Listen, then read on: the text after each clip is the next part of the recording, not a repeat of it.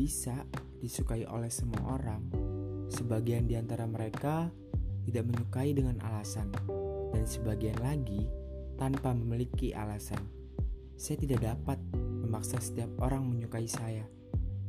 Setiap manusia selalu merasa benar atas versinya masing-masing. Saya rasa percuma jika menjelaskan, karena sampai kapan pun para pembenci akan tetap menjadi pembenci.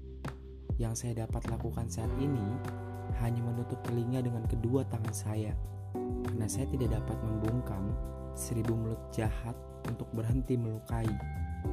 Untuk saat ini, saya rasa itu lebih baik.